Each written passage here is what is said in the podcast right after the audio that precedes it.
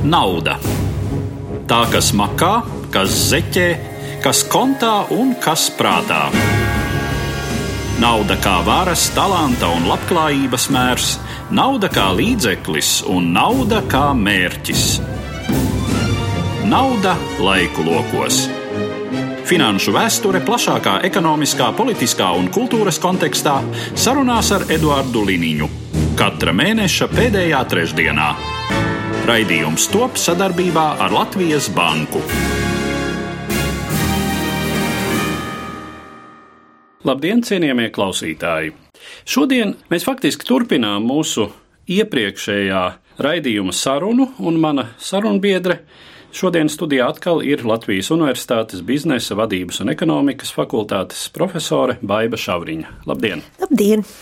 Ja pagājušajā sarunā mēs aplūkojām kapitālisma tapšanas un attīstības apstākļus, tad eh, šodien mēs palūkosimies uz tādu, droši vien arī jāsaka, industriālās revolūcijas laikmeta bērnu, varbūt arī var teikt, enfant terrible Malheureusement.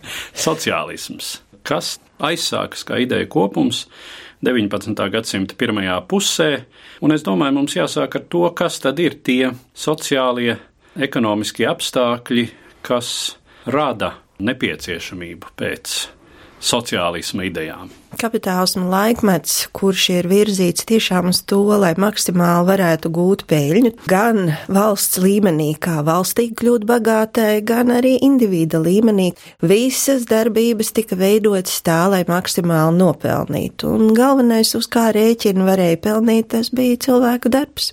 Nosakot darba spēka vērtību, tiek pateikts, ka Darba vērtība ir iztikas līdzekļu minimums tā, lai nenomirtu no bada un no augstuma.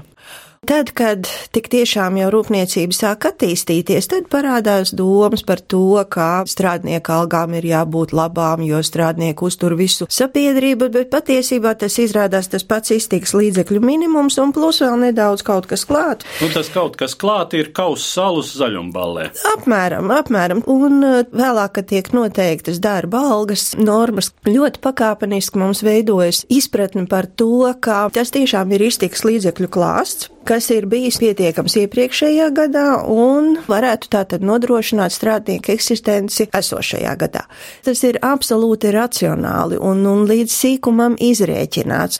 Un tāpēc arī 19. gadsimts mums kļūst par to laiku, kad sāk rasties milzīgos daudzumos dažādas idejas, kas ir vērstas uz to, kā uzlabot vai mainīt kapitālismu, jo tā eksistence, kura ir, protams, cilvēks neapmierina, bet tā neapmierinātība iešana uz ielām un mašīnu laušana, nu tās bija strādnieku masas, kas to īstenoja, bet savukārt tās idejas, kas nāca, tās jau nenāca no strādnieku masām, tie bija intelektuāļi, kas piedāvāja šīs idejas, cilvēki arī, kas orientējās ekonomikā, tā kā tās, manuprāt, ir divas pilnīgi atšķirīgas lietas - strādnieku masu neapmierinātība un cilvēku, kur tās idejas piedāvāja. Un es gribētu droši vien sākt ar utopisko sociālismu, jo jau pats nosaukums pasaka priekšā, ka tas ir kaut kas nereāls, utopisms vispār kā tāds radās 16. gadsimtā, un tā bija Lielbritānija, un tas bija Tomas Mors, kurš radīja pilnīgi pretēju savai reālajai dzīvei grāmatu, kuras nosaukums bija Zelta grāmata vienlīdz derīga kā pamācoša par vislabāko valsts iekārtu, jeb par jauno utopijas salu. Utopos no grieķu valodas mums no sengrieķu nozīmē vieta, kuras nav, neeksistējoša sabiedrība, bet visas tās idejas, kas radās to laiku, Mora laikā, tieši tāpat kā Kampanelu, mēs varam pieminēt ar Saules pilsētu brīnišķīgu grāmatu, ko katram der izlasīt, tās ir jāskata noteikti ciešā, ciešā kontekstā ar viņu pašu dzīvi, jo tās bija iluzori radītas pasaules, kurās viņi radīja sev alternatīvu eksistenci, lai varētu izdzīvot. Prātā radītā ilūzija, kas ļauj drausmīgos apstākļos izdzīvot. Tie ir pirmsākumi. Bet utopiskais sociālisms, kas rodas 19. gadsimtā, tas ir pilnīgi cits, un te ir mērķis pārveidot sabiedrību, kapitālismu vienas paudzes laikā, un tas ir tas interesantākais. Vadoties no šī nosaukuma, ka tas ir kaut kas nereāls, diemžēl arī daudzās grāmatās un mācību grāmatās, jo īpaši pārceļo klišejas, ka tas ir kaut kas nereāls un pat ar tādu zināmu nievu tiek runāts par šo autoru darbiem, bet patiesībā, ja mēs tos izanalizējam, tur nekā utopiska nav ar šodienas skatienu raugoties. Tie ir trīs autori - Sensimons Furjē un Roberts Ovens, Sensimons piedāvā ļoti racionālu valsts pārvaldes modeli, kuram ir jābūt harmoniskam, kuram ir jābūt arī loģiskam. Ja es šodien to uzzīmēšu uz tāfeles, tad es varu blakus parādīt Japānas valsts pārvaldes modeli, un tie būs viens pret vienu.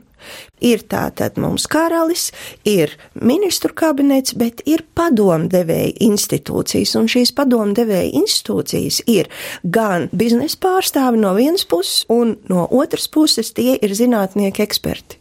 Tas ir ļoti racionāli, un tiešām mūsu sabiedrībā tas brīnišķīgi var darboties. Furijē savukārt piedāvā ļoti interesantu koncepciju. Viņš piedāvā veidot falangas, un šīs falangas būtu tāds kā sabiedrības veidojums, kurā nākt kopā dzīvo 300 ģimenes ar to, kas tām ir. Dzīvo kopā, neskatoties uz to, no kāda sociālā slāņa tie ir nākuši, kas reālajā pasaulē nebija pat iedomājams. Šeit ir paredzētas ražošanas zonas, atpūtas zonas, mācību zonas un tā tālāk. Un tas ir Le Corbusier pilsētu būvniecības princips, kur mums ir apvienota šīs dažādās sadzīves un profesionālās dzīves nianses kopā vienā veselumā. Un doma ir tāda, ka Bērni, kuri būs jau pieraduši pie tā, ka viņu vecāki tie, kas atnāca ar kapitālu un strādā, un tie vecāki, kas atnāca bez kapitāla un tikai strādā, bērni spēlējas kopā, bērni mācās kopā, un viņiem nav šo te šķirisko pretrunu, kas ir reālajā pasaulē. Falanga ir akciju sabiedrība, un akciju sabiedrības jau arī 19. gadsimtā radās. Un trešais, tas ir Roberts Ovens, kurš uz savas tekstilu fabrikas bāzes izveidoja tiešām šo utopisko modeli, kas šodien no absolūti nešķiet utopisks, kur darba diena ilga tikai desmit stundas, un kur bija skola, un kur bija veikals, kur pārdeva fabrikas produkciju gan arī par pašizmaksu, un bija slimnīca. Šo te utopisko modeli mēģināja īstenot Amerikas kontinentā, bija vairākas kopienas ar reliģisku ievirs, kuras to mēģināja īstenot. Cits novirziens, kurš arī rodas 19. gadsimtā, tas būs valsts sociālisms, un šeit pamatlīdzējs ir Luis Blanks, un ideja ir tāda, ka uzņēmumi kapitālismu sabiedrībā, dzenoties pēc peļņas, gūst šo peļņu, bet tā peļņa aiziet tikai atsevišķu individu uzņēmēju labā. Valsts kapitālisms paredzētu valsts uzņēmumu radīšanu, kuri darbojas tieši tāpat konkurences apstākļos un pelna, bet šī peļņa ir izmantojama visas sabiedrības labā, jo patiesībā šī peļņa aiziet valsts budžetā galējā formā. Šis valsts kapitālisms, nu, neapšaubām mums bija redzams padomu savienībā, kur gandrīz visu uzņēmumu bija valsts īpašums. Bet citur pasaulē tas ir vairāk nekā dzīvelīgs un pastāvošs, un pēdējais mēģinājums izveidot īstu sociālismu modeli tieši šādi uz valsts sociālismu pamatiem bija 1981. gadā Francijā, kad pie varas nāca kreisie spēki, īstenojot milzīgas nacionalizācijas. Tālāk mums ir kristīgais sociālisms, kura pamatlicējs savukārt ir Čārs Kingslējs. Šeit ir tā galvenā doma tāda, ka kapitālismam nepieciešama ir cilvēcīgāka seja. Tāpēc Bībelē vajadzētu būt valdības vadītāja rokas grāmatai. Tātad morāls principi, ētikas normas no vienas puses, bet no otras puses lielāka vērība ir jāpievērš darba apstākļiem, sanitārajiem apstākļiem. Ir ļoti daudzas partijas Eiropā, arī Amerikā, kuras balstās tieši uz šo principu, un nu, šeit pieminēšu kristīgos demokrātus Vācijā, un Angela Merkel ir kristīgā demokrāta. Vācija gāja pēc otrā pasaules kara savu īpašo trešo ceļu, nepieņemot amerikāņu uzspiesto modeli un, protams, nevarot atgriezties pie Hitlera saimniecības modeļa. Un tieši tāpēc arī šis sociālais aspekts bija ļoti svarīgs nākamais novirziens, un tas būs anarchisms. Ar anarchismu droši vien mums priekšstati ir veidojušies tikai no padomu kinofilmām, ka anarhija nozīmē pilnīgu hausu un totālu nekārtību, ka katrs var darīt, ko vēlas. Tas nebūtu tā nav. Pamatlīdzies šim novirzienam ir Jozefs Prudons.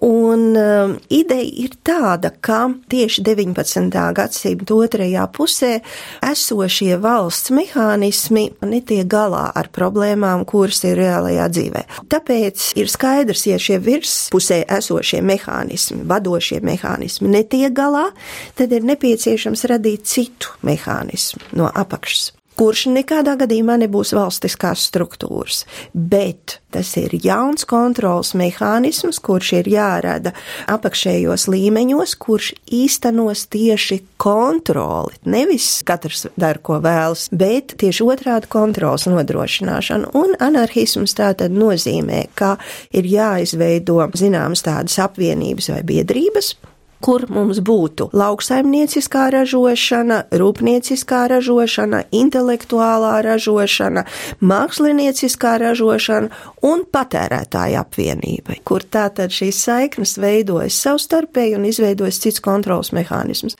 Nākamais mums ir sindikālisms, un tas mums ir nācis no franču vārda sindikā, kas ir arotbiedrības arotbiedrību ideju. Pirmais piedāvāja klasiskās politekonomijas autors Sismondi. Savukārt pirmo arotbiedrību izveidoja, un tātad šo sindikālismu arī izveidoja Žoržs Sorels. Un Francija mums atkal ir arotbiedrību dzimtene, bet patiesībā visspēcīgākās arotbiedrības mums izveidojās Lielbritānijā. Un sindikālisms, kā toreiz tas radās 19. gadsimtā, tam bija divi tādi pamat principi. Pirmais bija anti parlamentārisms, kurš arī pilnīgi noteikti ir saglabājies šodien, tas nozīmē, ka arotbiedrības nekad nekļūs par politisko partiju un nekad neietilps ne parlamentā, ne arī veidos kaut kādas valdības struktūras. Viņiem ir jābūt opozīcijā un nepārtraukti jāpieprasa uzlabot darba apstākļus, darba nosacījumus un drošību darba vietā un tā tālāk. Un otrs princips - antimilitārisms. Šis novirziens necentās atbildēt uz tiem jautājumiem, kas bija ģeopolitiskie. Arotbiedrības visspēcīgākās pilnīgi noteikti bija Lielbritānijā, un tās spēja tiešām arī paralizēt dzīvi valstī arotbiedrību organizētie streiki, īpaši ogļrača streiks, kurš ilga vesels 13 mēnešus. Domāju, daudzi ir redzējuši brīnišķīgo filmu Billijs Eliots, kur mums ir mazs puisītis, kurš vēlas dejot, bet viņš dzīvo ogaraču ģimenē, un tēvs un brālis ir streikotāju vidū, un uh, var redzēt arī šo bērnu uztveri visiem šiem notikumiem, ka viņi vairs nepievērš uzmanību ne policijai, ne grautiņiem, nekam vairs. Margareta Tečera konservatīvo valdības priekšgalā, kad tā nāca pie varas 79. gadā, viens no solījumiem arī bija ierobežot arotbiedrību varu. Un tas bija viens no iemesliem, kāpēc arī iedzīvotāji diezgan labprāt bija nobalsojuši par šo programmu, jo tiešām streiki bija ļoti jau apgrūtinājuši dzīvi. Un Britu arotbiedrības vairs nav tik spēcīgas un ir zaudējušas šo pozīciju, bet mēs varam sakot līdz dažādu arotbiedrību organizētajiem streikiem gan Francijā, gan uh, Lufthansa, kas ļoti labprāt streiko, kas spēj sabojāt ne tikai vienu dienu vien daudziem, daudziem cilvēkiem, kas nekādi šajos pamatstrīdos nav iesaistīti. Nauda laiku lokos Sarunas ar Eduardu Liniņu par finanšu vēsturi plašākā ekonomiskā, politiskā un kultūras kontekstā. Raidījums top sadarbībā ar Latvijas Banku. Nākamo varētu minēt Marksa zinātnisko sociālismu, bet tas ir mums visvairāk pazīstams, tāpēc es godīgi sakot, pat negribētu īpaši pie tā pakavēties, jo ir daudz citu interesantāk. Jo Nākamais savukārt ir komunisms. Lūk, tas ir tas interesantais novirziens, kurš ir daudzus fascinējis. 1848. gadā, kad internacionāli pieņēma komunistiskās partijas manifestu, patiesībā šis novirziens arī izveidojās. Un ir visai interesanti palasīt šo tekstu, un visai interesanti arī, protams, ir palasīt PSKP programmu, kas vispār ir unikāls dokuments. Tur var daudz ko interesantu atrast, kā 80. gadā jau pilnībā bija jābūt komunismam padomu savienībā. Komunisma ideju mēs varam raksturot tikai un vienīgi ar negācijām. Nebūs šķiru, nebūs līdz ar to šķiriskās nevienlīdzības, nebūs līdz ar to eksploatācijas, nebūs naudas un nav nevienlīdzības kā tādas, visi ir vienlīdzīgi un acīm redzot laimīgi. No katra pēc spējām, katram pēc vajadzības. Pēc vajadzības, jā, jā, jā. Bet uh, kas tās par vajadzībām un kā tad visu varēs nodrošināt, tas, protams, palika liels jautājums. Bet Tenīpat laikā komunismu realitātē var redzēt. Kibucī, Izrēlā, tas ir gan balstīts uz reliģiskiem pamatiem, bet lauku kopienas ietveros tiešām nav šīs naudas, ir šī nolīdzinošā sadale, un katrs ir savu ieguldījumu devis, un, protams, nevienlīdzības tur nav, bet tā nav visas sabiedrības eksistence. Tā vai citādi, un arī šis ir dzīves. Nākamais tāds novirziens ir revizionisms, un tas ir ne tikai dzīves, bet tas ir tas, kuru man šķiet nepārtraukt cenšas īstenot tādā vai citādā veidā. Pamatlīdzējs bija Eduards Bernsteins, un Doma bija tāda, ka savulaik, kad Marks aprakstīja kapitālismu un aprakstīja to, kā varētu veidoties pārēju uz sociālismu, tātad, kas būtu pirmā fāze nākamajā formācijā, tas ir komunismam, tad pēc Marksa parādās ekonomikā tādi procesi, kurus, protams, Marks nespēja aprakstīt, jo viņš nedzīvo tajā laikā.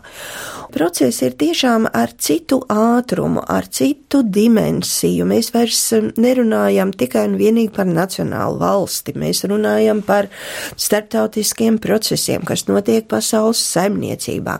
Pasaules tirgus dominē, kapitāla eksports ir tas, kurš patiesībā veido galveno uzņēmēju darbības plūsmu. Tāpēc arī šis nosaukums - revīzija, it kā pārskatīšana. Un revizionisma būtība ir tāda, ka pāreja uz uzlabotu sociālistisku modeli noteikti tai būtu jābūt, bet nevis revolucionārā ceļā, kā to piedāvāja Marks, bet reformu gaitā. Un šeit mēs varam minēt entos, entos piemērus, jau manis pieminētā Rietumvācija pēc otrā pasaules kara, kur tika apvienoti gan tirgus ekonomikas, gan sociāli orientētas valsts modeļi. Gan mēs šeit varam runāt par franču sociālismu veidošanu, kas bija tātad 1981. gadā. Tieši tāpat Skandināvijas valstīs ļoti spēcīgi gadu desmitiem bija tā saucamais viduru sociālisms, piemēram, kurš ir vispazīstamākais, kur reformu gaitā virzot vairāk uz cilvēku labklājības veidošanu, tiek organizēts arī attiecības ražošanā, vairāk iesaistot arī cilvēkus uzņēmumu pārvaldīšanā, līdzdalībā, lēmumu pieņemšanā un tā tālāk. Tātad revizionisms man šķiet tā ir tā vislielākā realitāte, kura praktiski visās attīstītajās valstīs arī ir bijusi un ir. Un tad ir vēl viens novirziens, kurš, manuprāt, tieši tagad atgūst ļoti spēcīgu savu ideju. Jo tad, kad tas tika radīts arī tātad 19. gadsimtā, tur bija Oksfords profesors Kols, kā pamatlīdzējs, viņa piedāvātais modelis ir cumšu ģilžu sociālisms. Tā kā tas bija viduslaikos, kad ģildes un sumftes patiesībā regulēja pilnībā saimniecisko dzīvi, arī cilvēku personīgo dzīvi ieskaitot nosakot reglamentācijas, regulējot arī cenu līmeni, bet īpaši tipiskie cuntas goda jautājumi, gan profesijas lepnums, gan profesionālā izaugsme, zināmas pakāpes no mācekļa par zelli un pēc tam par meistaru un tā tālāk. Tātad šo principu pārcelšana it kā mūsdienu pasaulē, un šeit sākums tāds ļoti, ļoti labs, kur to var redzēt, tā ir franču radītā banka Credit Agricole. Tas ir lauksaimniecības kredīts, kur radās pēc otrā pasaules kara. Credit Agricole piedāvāja lauksaimniekiem piemērotus kredītus ar viņiem izdevīgu atmaksāšanas laiku pēc tam, kad raža ir ievākta, ņemot vērā arī šos dabas apstākļus. No Credit Agricole šobrīd ir izaugusi liela un spēcīga banka, kura neaprobežojas tikai un vienīgi ar kredītu izsniegšanu lauksaimniekiem, tātad šeit mums ir gan apdrošināšana, gan eh, profesionāla apmācība, daudz kas cits. Pēc šāda principa sāka veidoties arī dažādas profesionālās apdrošināšanas biedrības, kas pārauga par pakalpojumu sniedzējām piedāvā, piemēram, braukšanas kursus vai iepirkšanās centrāles vai citus pakalpojumus, kas būtu saistoši dotajai profesijai. Pēdējos gados, un īpaši tieši pēc globālās krīzes Eiropā, tieši šis novirziens sāk atzimt jaunā kvalitātē, Tas ir kā pretošanās pārāk šīm globalizētajām kapitālismu izpausmēm, uzņēmumu kopā ar saviem darbiniekiem, varbūt zinātnieki eksperti. Šie globalizācijas procesi izprovocējuši zināmu reakciju radīt alternatīvu mehānismu.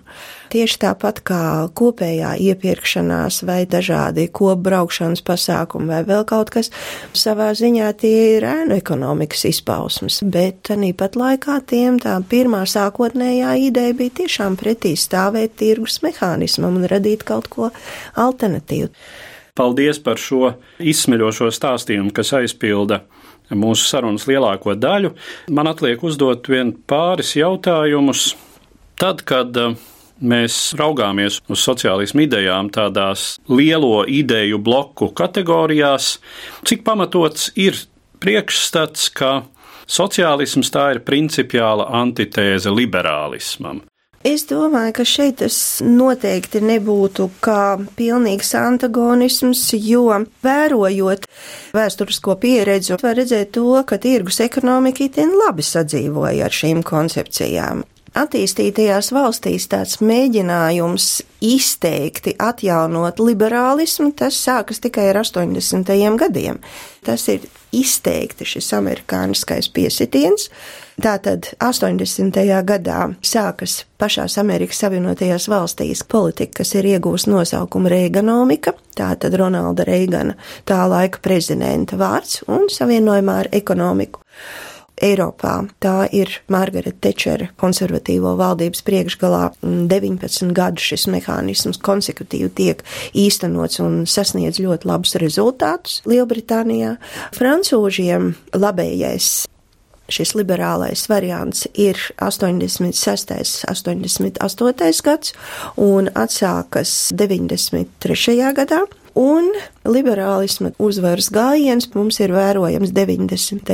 gados, kad caur Starptautisko valūtas fondu un Pasaules banku reformu prasības tiek nodotas kā tādas īstenojamas direktīvas centrālās un austruma Eiropas valstīm, kuras lauž savu iepriekšējo sociālo-ekonomisko mehānismu, tātad atsakās pilnībā no šīs sociālas ekonomikas. Skandināvijas valsts reāli tikai 90. gadu otrā pusē pāriet uz liberālismu. Ko mēs saprotam īsi formulējot ar liberālismu ekonomikā? Jā, pavisam vienkārši liberālisms ekonomikā ir valsts kontrolas mazināšana, valsts iejaukšanās mazināšana. Tas ir tiek stiprināts tirgus mehānisms, un tirgus mehānisms nozīmē to, ka visam ir sava cena, un viss tiek pirkts un pārdots. Nevienmēr tas ir patīkami. Līdz ar to mums parādās tieši šīs biznesa attiecības jebkur. Sociālo pakalpojumu jomā, ka mēs pērkam veselības aprūpas pakalpojumus, ka mēs pērkam izglītības pakalpojumus, līdz pat pasaules līmeņa pārunām, kur valstis tirgojas savā starpā kāda būs tālākā pasaules saimniecības attīstība.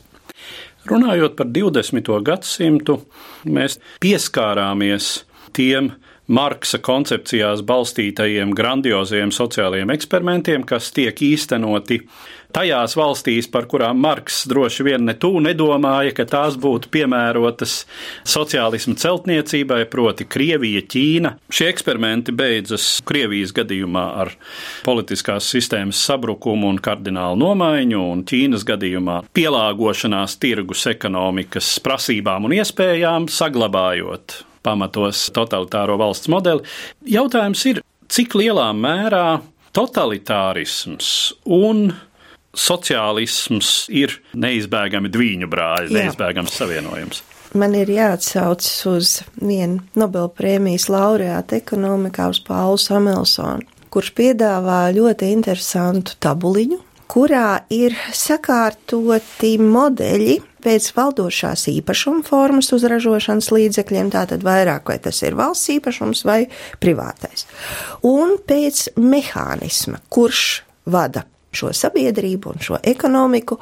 Un galvenie divi mehānismi, kas arī tā kā pretēji, ir vai nu tas ir tirgus mehānisms, vai tas ir komandu mehānisms. Nu, mēs labi pazīstam to modeli, kurā mēs bijām spiesti dzīvot, saucam par komandu ekonomiku. Un saliekot šos divus kritērijus kopā, izveidojas četri tādi lieli modeļi. Pirmais, kuru mums ir tipiska tirgus ekonomika, kā tirgus mehānisms dominē un privātais īpašums dominē, to viņš nosauc par dolāra demokrātiju. Nu, skaidrs, tās ir Amerikas Savienotās valstis, mēs tur varam arī citas rakstīt iekšā, kur šis tirgus mehānisms būs dominējošais. Tas, ko viņš nosauc par komunismu, kur būs valsts īpašums dominējošais un komandu mehānisms, tas, ko mēs pazīstam par sociālismu. Tas, ko mēs Jā. saucam par kazārmu sociālismu. Tieši tā, padomu savienība, Ķīna arī, nu, visu sociālismu sistēmu. Tas, ko viņš nosauc par sociālismu, tas, lūk, ir manis minētais vācu sociālisms, franču sociālisms, zviedru sociālisms, kur ir spēcīgs valsts īpašums, bet ir tirgus mehānisms, nav komandas. Un tad, lūk, paliek tas pēdējais modelis. Mums ir privātais īpašums, kā dominējošais, bet mehānisms ir komanda. Un, lūk, šī modeļa nosaukums ir fašisms milzīgā hierarhija lēmumu pieņemšanā, bieži vien arī birokrātija, patiesībā neiedziļināšanās procesos. Tikai vienā gadījumā būs valsts īpašums uz ražošanas līdzekļiem, un fašismu gadījumā tas ir privātais īpašums. Tātad, respektīvi, Hitlera ekonomika, Franko ekonomika, Musolīni arī un Pinocheta ekonomika Čīlē. Tas, ko mēs varam secināt no visa izrunātā, Acīm redzot, ir tā loģiskā patiesība, ka sociālisma parādīšanās tajā ekonomiskajā realitātē, kura pastāv kopš 19. gadsimta sākuma, turpinās un attīstās, ka tā bija acīm redzot neizbēgamība.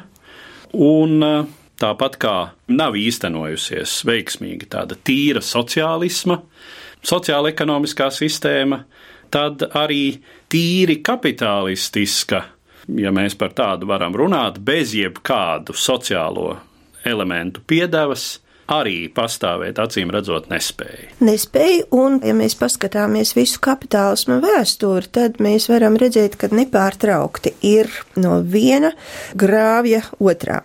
Sākumā kapitālismam veidojoties ir ļoti spēcīga valsts ietekme, valsts kontrole un valsts loma. Tad tas kļūst par traucēkli, mēs dodamies brīvā tirgus ekonomikas virzienā. Kā mēs zinām, tas radīja visas problēmas 19. gadsimtā un vainagojums bija lielā depresija 20. gadu beigās, 30. gadu sākumā 20. gadsimtā. Kā rezultātā izveidojas valsts ekonomiskās regulēšanas koncepcija, kura pilnībā valda līdz 80. gadiem. 80. gados mums nāk lūk šis liberālisms. Liberālisms parāda savus vissliktākās puses globālās krīzes laikā, un nevienam nav skaidrs, ko darīt tālāk. Jo, ja iepriekš šīs svārstības no viena grāvja uz otru bija vairāku gadsimtu garumā tomēr, tad tagad, diemžēl, tie ir gadu desmiti atgriezties pie iepriekšējā modeļa, tas ir atgriezties pie valstiskās regulēšanas, kā tas bija pēc otrā pasaules kara, nav iespējams divu iemeslu dēļ. Ir globālā ekonomika, citiem vārdiem sakot, viena pati Nacionāla valsts nevar pilnībā īstenot reformas tikai savā teritorijā, jo, diemžēl, tā ir sasaistīta ar pārējām. Un otrs, kāpēc to nevar, kad tika izveidot šis uh, ekonomikas valstiskās regulēšanas modelis, tad pilnīgi noteikti pensiju sistēma nepastāvēja. Tā bija tikai pašos sākumos. Ar šodienas pensionāru skaitu tā nav tikai Latvijas problēma. Tā ir problēma tiešām visās attīstītajās valstīs.